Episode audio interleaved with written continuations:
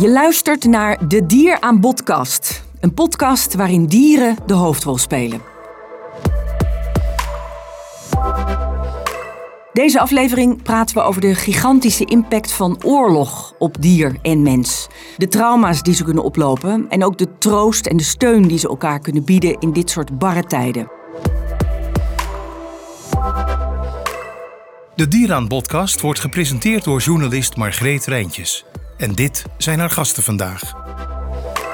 Karin Soeters, oprichter van House of Animals, een organisatie die dierenleed tegengaat en zich inmiddels ook bezighoudt met noodhulp aan dieren in Oekraïne. En Nienke Endenburg, GZ-psychologe aan de Universiteit Utrecht, gespecialiseerd in de relatie tussen mens en dier. Je luistert naar de Dieren aan podcast van de Raad voor Dierenaangelegenheden. Ja, Nienke, de relatie mens-dier. Dat is iets wat jou buitengewoon boeide, want dat werd jouw specialisatie. Ja, absoluut. Ehm, ik heb zelf uh, ook uh, veel dieren um, en ik kan me geen leven voorstellen waar dieren en mensen en, en hun welzijn uh, geen, geen rol spelen. Dus ik, ik, ik hoor eigenlijk nergens bij, want ik, ik hoor een beetje bij de mensen en ik hoor een beetje bij de dieren.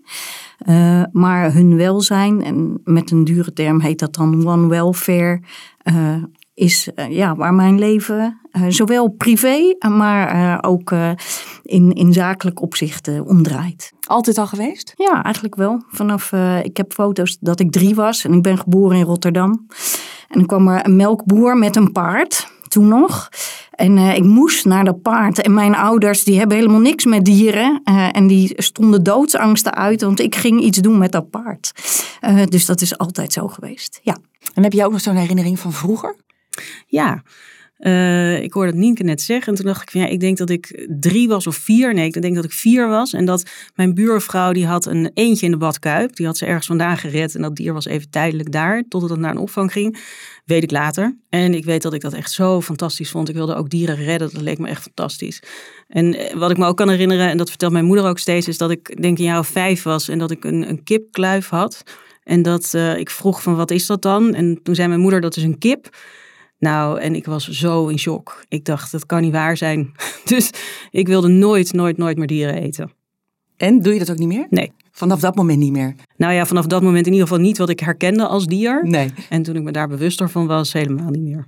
Karin, je bent een paar keer in Oekraïne geweest, want daar gaan we het over hebben. Over trauma's bij dieren. Wanneer lopen dieren trauma's op tijdens een oorlog? Nou ja, ik denk alleen al dat de enorme geluiden die ze horen door de bombardementen, door de, eh, het schieten, uh, dat dat heel erg heftig is. We zijn in een dorp geweest, uh, 100 kilometer van de grens van Belarus, dus helemaal in het noorden. En nou ja, dat, of een stad was het eigenlijk meer ongelooflijk verwoest. En tussen die verwoeste gebouwen, daar kwam een vrouw met hondjes. En nou ja, allemaal ongelooflijk aardig, vriendelijk, lief, willen hun verhaal vertellen. En zij vertelde dat ze dus ten tijde van de bombardementen, en dat was zo dicht bij haar in de buurt, uh, dat de klap zo hard was dat de honden echt letterlijk tegen de muur aanvlogen uh, door de kracht. En um, nou ja, die honden die zijn gewond geraakt. En uh, dus dat, dat kan zo zijn. Um, maar ook angst voor geluid, angst voor de angst die ze bij hun baasjes zien. Maar ik ben bijvoorbeeld ook bij een opvang geweest waar uh, de, het kattenverblijf werd gebombardeerd. Dat is een brand gevlogen, heel afgelegen opvang. En uh, nou ja, dat was natuurlijk ernstig genoeg. Ik bedoel, die katten zijn levend verbrand in de opvang waar zij zaten. Maar de honden, die zijn dus door de hekken heen gesprongen. Uh, hebben ja, zich daaruit weten te wringen, sommigen. Waardoor ze ook, nou ja, gaas in hun lijf hadden. En de, helaas was het nog niet voldoende om alleen te bombarderen. Zijn ze dus met auto's de Russen over de weg naar die shelter gegaan. Nou, die weg heb ik ook gereden. Het was echt een zandweggetje voor je daar uiteindelijk komt. En uh, daar zijn ze om zich heen gaan schieten. En toen wij bij die opvang waren, en dat vond ik echt een voorbeeld van dat je ziet ja, hoe het dieren raakt. Er was een hond, ik stapte de auto uit en die kwam meteen naar me toe. Heel vrolijk dier, uh, de hele tijd tegen me aan, kwispelen. En we kregen een rondleiding, dus we gingen rondlopen. En de eigenaren van die opvang, ja, die vertelden hartverscheurende verhalen wat er gebeurd was. En op een gegeven moment vertelt de vrouw bij een, ja, een, een soort ja, een, een hok was het eigenlijk, maar met houten schotten erin. En daar zag je de kogelsgaten nog in zitten. En ze gaat met haar hand over die kogelsgaten en vertelt dat verhaal. En op dat moment zie je die hond echt wegschieten. En toen dacht ik dat dier wat de hele tijd bij mij wilde zijn, op het moment dat dat verhaal voor hem dan in beeld, dat hij, zij met die hand over die kogelsgaten gaat, hij was weg. En ik heb hem echt pas na een uur weer gezien. Nou ja, en ik, ik kan ja, zoveel voorbeelden geven van uh, shelters waar ik geweest ben, waar nou ja, de granaten, de bommen, hoe het allemaal mag heten, nog ligt. En waar honden zo uh, bij iedere vorm van geluid of beweging schrikken, in paniek raken. Uh, ja, heel erg triest. Want je hebt het over shelters. Dat zijn dus plekken waar uh, dieren die zijn achtergelaten in Oekraïne worden opgevangen? Ja, en die zijn er. Die waren er al best wel. Wij kenden al een shelter waar ik eerder geweest ben, waar ze meer dan 3000 uh, honden opvangen. Nou ja, de situatie is daar natuurlijk nu nog veel erger geworden. En het zijn dus niet alleen maar honden en katten. Ik ben bijvoorbeeld ook bij een noodshelter voor paarden geweest. Ik bedoel, mensen hebben, uh, nou ja, in, in haast hebben ze hun, hun land moeten verlaten. Paarden zijn achtergebleven of ze hebben ze, nou ja, zogenaamd vrijgelaten. Maar ja, een paard kan niet overleven zomaar zonder eh, hulp. Dus die dieren die lopen los, die vermageren. En deze mensen die die noodshelter hebben opgezet, ja, die halen dus die dieren uit dat oor oorlogsgebied. En wat zo triest is, is dat toen ik er was, kon je nog echt spreken van een oorlogsgebied. Omdat je toen echt in de oostkant van uh, Rusland, daar waren de gevechten. Nou, en daar gingen zij naartoe met gevaar voor eigen leven om die paarden daar weg te halen. Maar goed, nu is de hele Oekraïne ongeveer één grote uh, ja, oorlogsgebied geworden. Dus um, ja, uh, ook in die shelter zag je paarden die zo schrikachtig waren. De, waar echt nou ja, mee gewerkt moet worden om ze gewoon weer rustig te krijgen. En om daar weer een beetje paard van te maken. Want is het zo, Nienke, hè, de, de ervaringen die mensen opdoen in oorlog, mm trauma's oplopen, is het zo dat een dier dat kan overnemen eigenlijk? Nou, misschien niet het, het trauma zelf, uh, maar als mensen natuurlijk wel getraumatiseerd zijn, dan is het stressniveau heel hoog.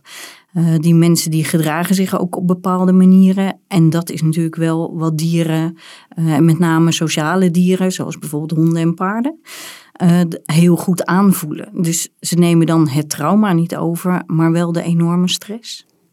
En wat, wat voor effect heeft dat op dieren? Nou ja, dat ze heel vaak onzeker worden. Um, uh, als, je, als je een hele sterke band ligt ook een beetje aan van uh, of er al een band was tussen mens en dier. Uh, dus de mensen in de Oekraïne die getraumatiseerd zijn door de inslagen, door het luchtalarm. Um, die dieren geven ook heel veel steun. Um, als je in één keer weg moet naar een, een ander land, en het is ook onbekend waar je dan in vredesnaam naartoe gaat dan, dan zijn die dieren ontzettend belangrijk. En wij weten uit studies die helemaal niks met de oorlog te maken hebben, maar dat geldt eigenlijk in principe voor iedereen. Dat als je vriendelijk uitziende dieren aait, waar je een band mee hebt, dat daar uh, goede um, hormonen vrijkomen, zoals bijvoorbeeld oxytocine. Um, en dat werkt heel goed tegen stress. Um, uh, dus dat is belangrijk dat die mensen die dieren uh, mee kunnen nemen. En mijn zorg is dan ook een beetje dat, dat heel vaak wordt gezegd: ja, het is belangrijk dat die mensen hier naartoe kunnen, of waar dan ook. En, en die dieren, dat is lastig. Terwijl ik denk, neem in vredesnaam die dieren ook mee. Want die zijn van wezenlijk belang als die mensen weer ergens in Europa of waar dan ook hun bestaan moeten opbouwen. Zijn die dieren ontzettend belangrijk om daarin mee te helpen. Dus neem ze alsjeblieft mee. En zeg je daarmee hè, de dilemma's die er nu zijn voor dat soort dieren opvangen? Want misschien zijn ze wel niet ingeënt, bijvoorbeeld tegen mm -hmm. hondsdolheid. Ja, dat klopt. Zeg je daarmee, daar moeten we wat uh, ruimhartiger mee omgaan? Nou ja, ik, ik snap heel goed waarom die regels er zijn. En in normale omstandigheden denk ik ook, daar moet je aan houden. Maar dit is een, een buitengewone situatie. En ik denk, dan zijn er die regeltjes. Maar we kunnen denk ik hier in Nederland heel goed met die regeltjes ook een beetje anders omgaan. En zorgen als die dieren hier komen dat we ze zo snel mogelijk enten. We hebben genoeg dierenartsen die dat kunnen en die dat ook willen. Uh, en als we dan gaan roepen, ja, maar ze zijn niet geënt, dan denk ik, ja, dat is waar. Maar doe er nu iets aan en, en dat kan. Maar hè, wat Karin natuurlijk ook zegt, de dieren zelf kunnen ook een trauma hebben opgelopen. Kan dat ook gevaarlijk zijn eigenlijk om die dieren met een trauma hier in Nederland op te vangen? Nou ja, je, je moet natuurlijk wel kijken van hoe, hoe dat trauma zich uit. Um, en, en als ze heel angstig zijn, dan kan dat um, misschien soms ook in agressie, agressie zich uiten.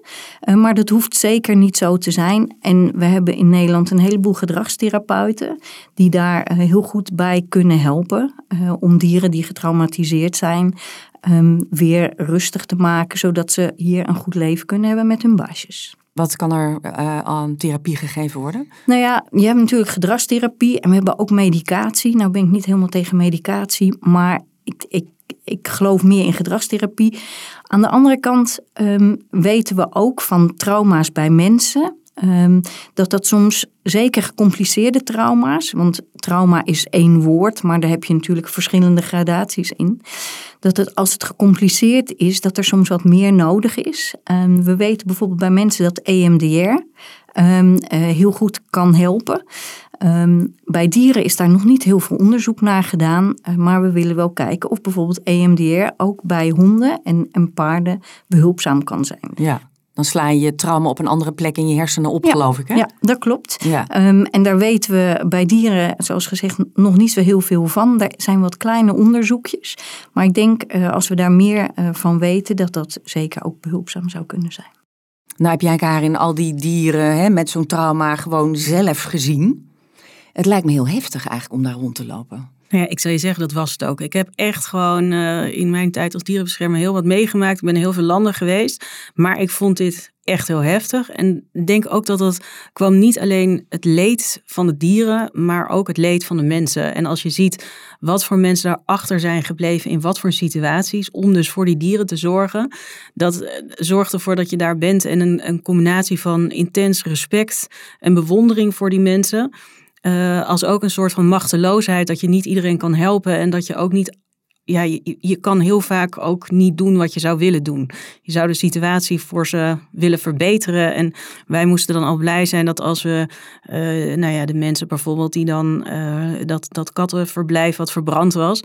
Um, ik, ik heb ongelooflijk veel ja, met, met verwondering en respect gekeken naar hoe zij de energie weer bij elkaar pakten om het daar te herbouwen. En niet alleen voor de dieren die ze al hadden.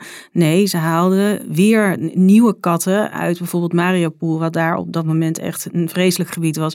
En dat ze daar de energie voor hebben en dat ze dan heel blij zijn dat wij in ieder geval een verwarming voor ze konden betalen. Ja, dat, dat, dat zorgt ervoor dat je daar eigenlijk staat met mensen die heel dankbaar zijn. Terwijl je eigenlijk denkt van, oh, ik zou echt zoveel meer voor jullie willen doen. Dus die mensen die gingen uh, zelf naar Mariupol om te kijken of er daar dieren achtergebleven waren? Ja, ze haalden daar katten vandaan. Dus hun, hun eigen katten in, die, uh, in hun verblijf, die waren dus allemaal verbrand. Het waren echt veel dieren. En uh, nou ja, in plaats van bij de pakken neerzitten en zorgen voor de dieren die ze dan daar nog hebben, hebben ze gezegd: nee, we herbouwen het. We gaan een nieuw uh, kattenverblijf bouwen en we gaan gewoon katten ophalen uit oorlogsgebied. Ja, ik vind dat ongelooflijk dat mensen die kracht kunnen vinden en het trauma, ook de angst dat daar gewoon die Russen binnen zijn gelopen. Eerst gebombardeerd, dan zo'n vreselijke brand. Ik heb die beelden ook gezien. Je hoort uh, de honden janken, uh, je hoort gegil, het is echt afschuwelijk. En dan denk je van nou dit was vreselijk, nu hebben we het gehad. Dat dan vervolgens ze nog een keertje die hele lange weg rijden over die zandpaden. En denk waarom komen ze daar naartoe? Wat, gaan ze, wat, wat willen ze in zo'n opvang? En dan ja de honden blaffen, dus we gaan uh, ze doodschieten. Want we houden niet van blaffende honden, echt van dat soort rare verhalen. Er zijn particulieren die gewoon 60 honden in huis hebben ineens. Omdat er een flatgebouw is waar iedereen weg is gegaan. En waar dieren gewoon achter zijn gebleven. En vaak ook gewoon met heel veel voer en een bak water. Van we zijn er over een paar dagen weer. Maar ja, dat over een paar dagen, dat is natuurlijk nooit, ja, dat, dat, dat werd geen werkelijkheid. Dus er zijn groepen mensen die echt letterlijk deuren ingetrapt hebben bij appartementencomplexen.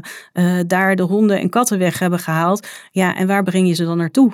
Als je bij zo'n opvang bent, bijvoorbeeld met die 3000 dieren, dan hoor je gewoon de telefoon rood gloeiend staan. Je ziet dat er mensen aan de poort komen met honden, met volwassen honden. En die gewoon niet meer weten wat ze ermee moeten. En ja, zij kunnen geen ja zeggen, want er is geen plek meer. En ja, dus zijn er andere, uh, ja, worden er andere dingen bedacht. En, en enerzijds zie je dus heel veel huisdieren met halsbandjes om gewoon op straat lopen. Uh, en als die niet gesteriliseerd zijn, ja, dan wordt dat natuurlijk ook steeds groter, dat probleem. Dus je zag ook shelters die echt alles op alles zetten om dierenartsen in te zetten. Om toch maar te proberen om, waar ze vaak voor de oorlog al mee bezig waren, om het dorp of het, de stad waar ze dan zitten, om, dat, om die populatie honden die daar buiten lopen stabiel te krijgen. Ja, dat, dat is wat ze nu nog maar proberen door te zetten, maar wel onder nog moeilijkere omstandigheden. Nu zorgen jullie voor hulp, hè? jullie volgens mij uh, voedsel. Maar zijn jullie ook bezig met sterilisatieprojecten om te zorgen dat die groep niet veel groter wordt van bijvoorbeeld die zwerfkatten? Ja, ik zou dus veel meer willen doen. Maar goed, we hebben, ik geloof, 6,5 ton ingezameld. En daar hebben we inderdaad uh, heel veel voer. Ik geloof dat er inmiddels uh, 500.000 kilo voer naar Oekraïne is gegaan. Maar nu ook bijvoorbeeld aggregaten. Want door het feit dat daar zo'n gedoe met elektriciteit is, waar natuurlijk heel gericht op gebombardeerd wordt, uh, zijn die aggregaten ontzettend belangrijk geworden. En we steunen ook sterilisatieprojecten die in gang worden gezet. En zo'n verwarming. En uh, nou ja, transporten met hooi, want die paarden moeten ook niet vergeten worden. Dekens voor paarden. Ja, we hebben echt van alles gedaan. En daarom was het ook zo belangrijk dat we daar zelf naartoe gingen. We kijken eh, gewoon per project van wat kunnen we doen. En nu hebben we met deze mensen ook allemaal. Je hebt in Oekraïne gebruiken ze Viber, dus geen uh, WhatsApp, maar Viber.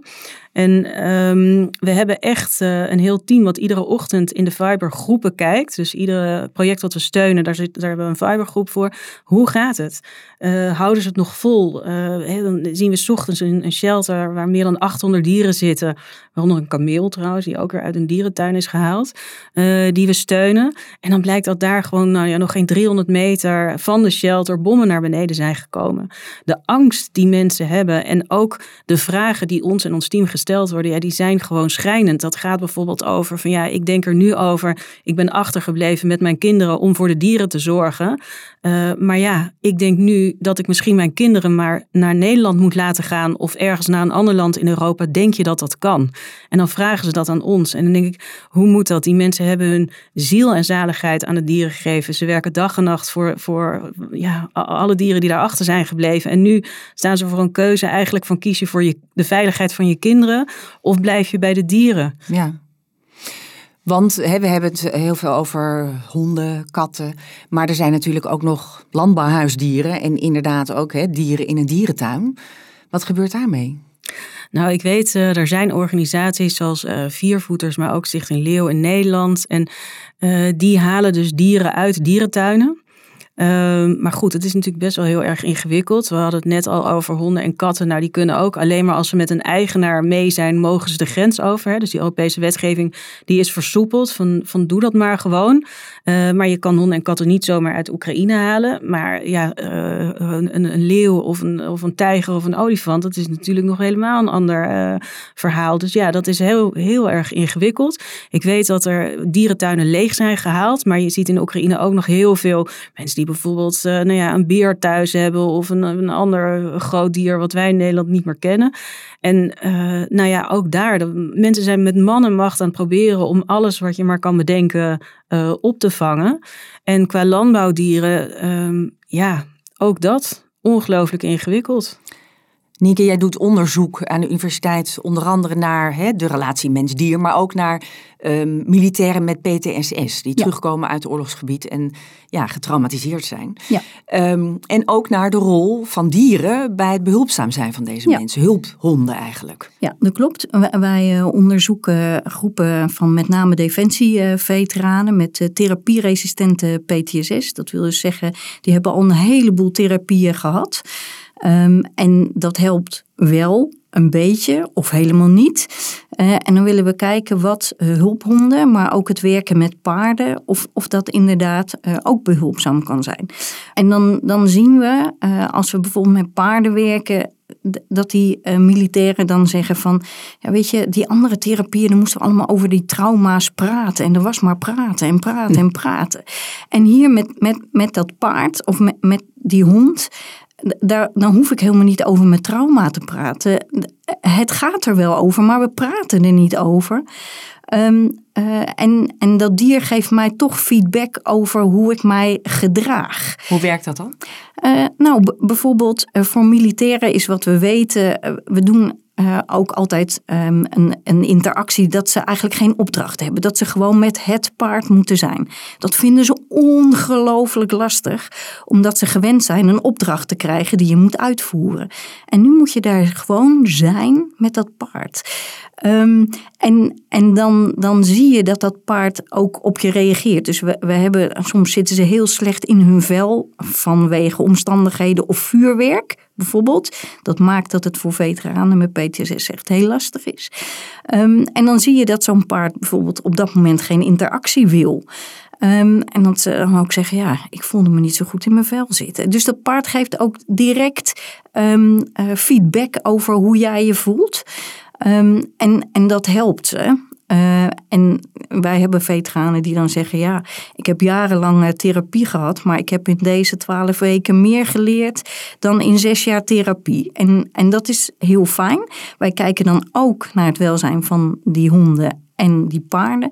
En dan zien we dat we eigenlijk tot op dit moment geen welzijnsaantastingen zien bij deze dieren. Wat ik belangrijk vind, want als dat wel zo is, dan moet je iets anders verzinnen. Um, maar dat zien we op dit moment niet verschijnen.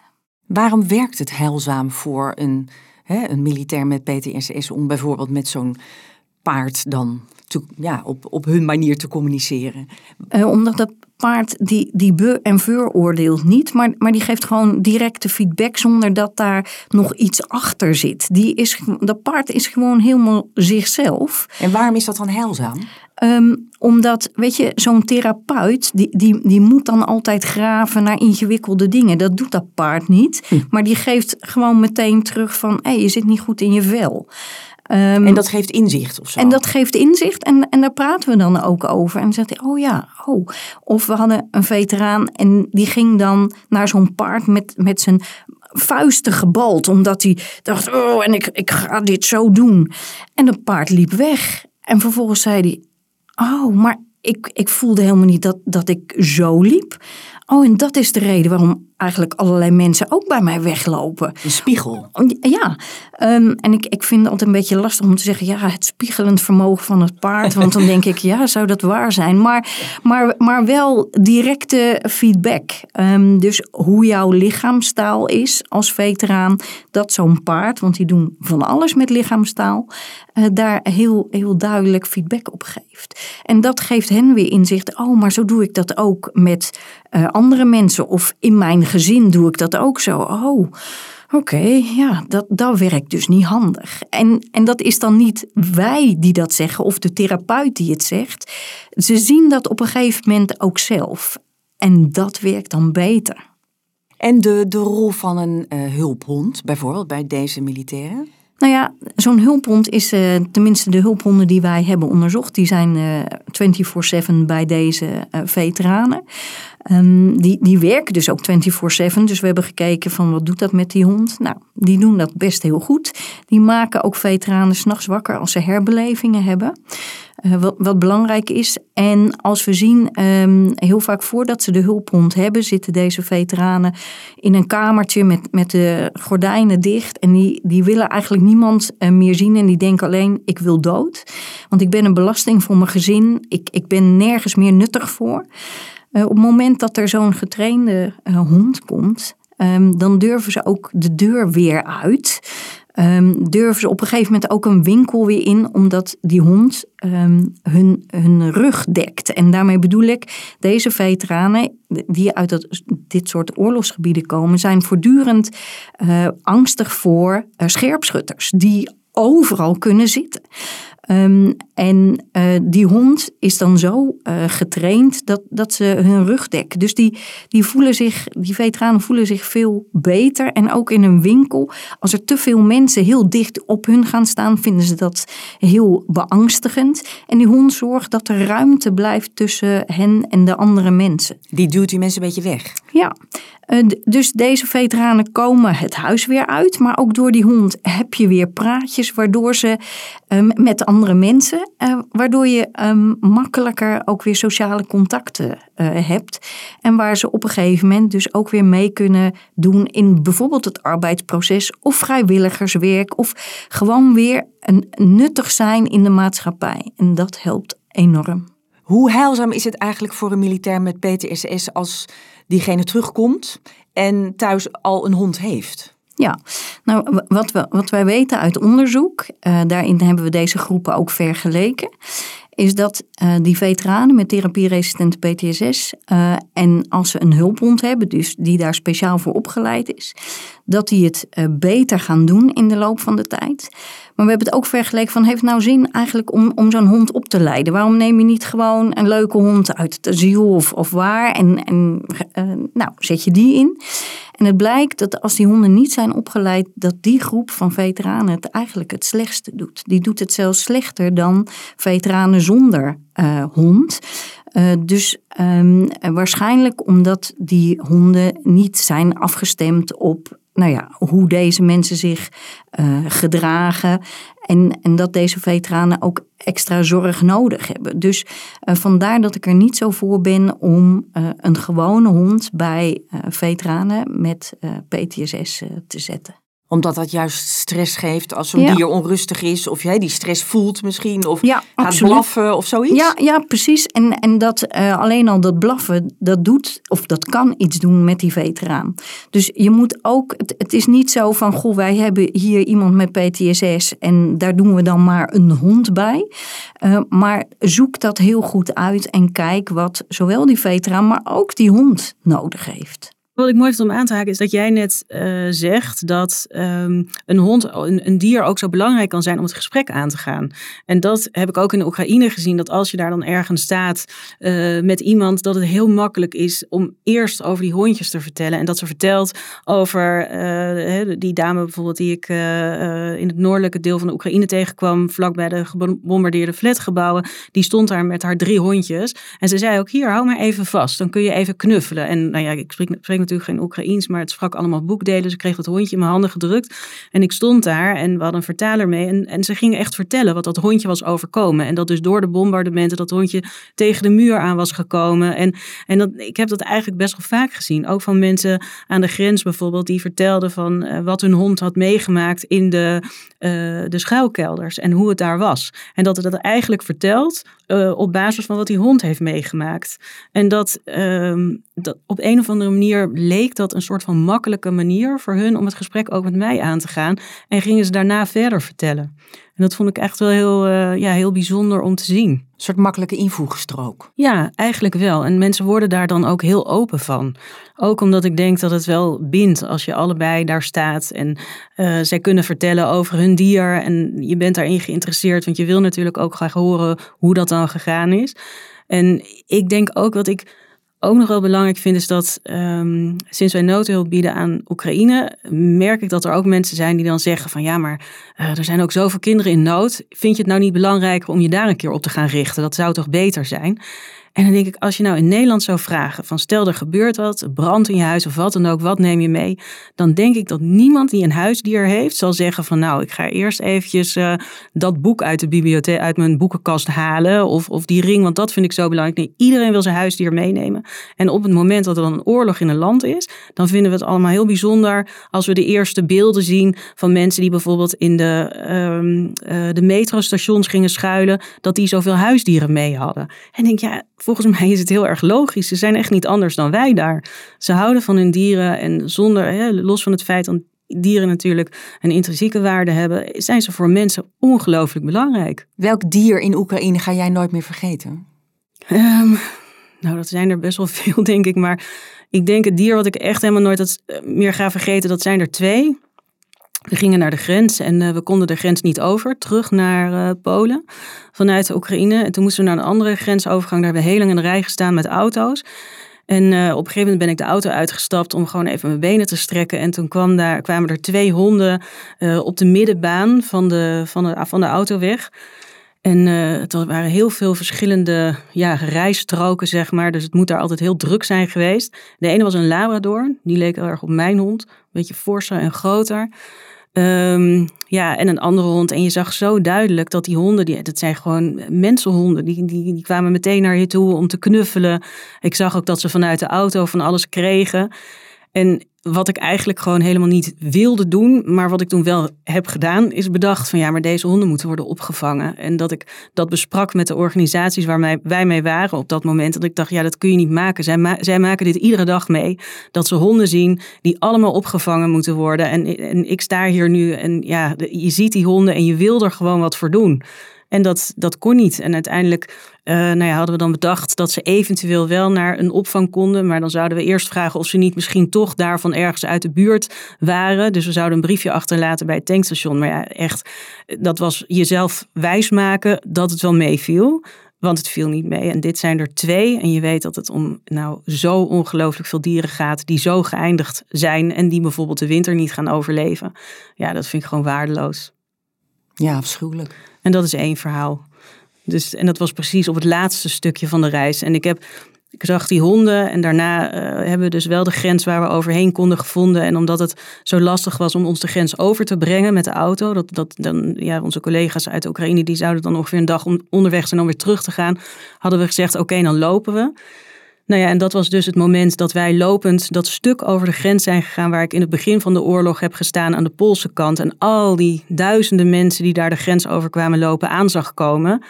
En dat ik daar nu met mijn collega's en mijn rolkoffertje liep en dacht, ja, ik ga nu naar mijn huis, naar mijn dieren, naar het land wat ik ken, waar ik de taal spreek, waar ik de mensen lief vind.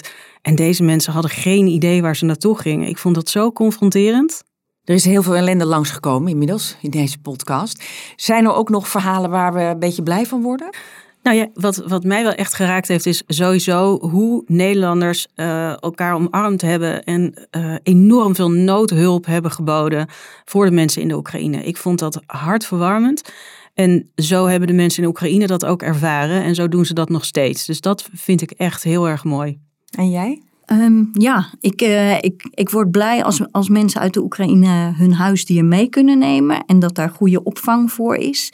En ook als ik ze dan in Nederland zie praten met, met Nederlanders, met handen en voeten, maar dat dat, dat dier dan, dan wel uh, een soort van smeermiddel is uh, om dat gesprek aan te gaan.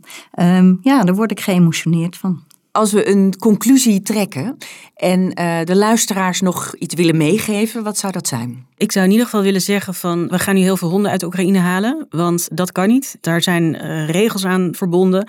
En als je vluchteling bent, dan mag je je huisdieren meenemen, maar je kan dus niet zeggen van we gaan dieren uit Oekraïne halen. Daar zit een hele periode aan vooraf waarin dieren in Oekraïne moeten blijven. Ik denk dat dat alles bij elkaar zo'n zes maanden is. Dus dat is uh, geen optie. En ik zou ook zeggen, vergeet de dieren en de mensen in de Oekraïne niet.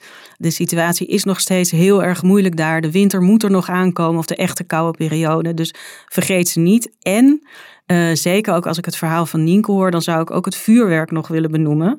Want ja, misschien Nienke kan jij dat het beste vertellen, maar hoe moet dat zijn voor mensen en dieren die uit dat gebied komen. Ja, ik denk dat uh, vuurwerk echt, uh, dat is sowieso ook voor heel veel mensen die niet oorlog hebben meegemaakt uh, al naar en ook voor heel veel dieren. Maar zeker als je uit zo'n oorlogsgebied komt en je hebt PTSS, dan zit je er gewoon weer middenin. Dan heb je enorm veel herbelevingen en dat is echt de hel op aarde. Dus alsjeblieft niet doen. Kappen ermee eigenlijk? Ja, eigenlijk wel. En mocht er zo'n vuurwerkverbod niet komen, dan is het goed dat het dier getraind is door bijvoorbeeld eh, lang voordat, uh, hè, voordat ja, het oudjaar is te oefenen met knallen. Uh, ja, want, want ik zie dan mensen die dan een week van tevoren denken... oh, oh ja, uh, mijn hond is daar heel bang voor, nu moeten wij iets.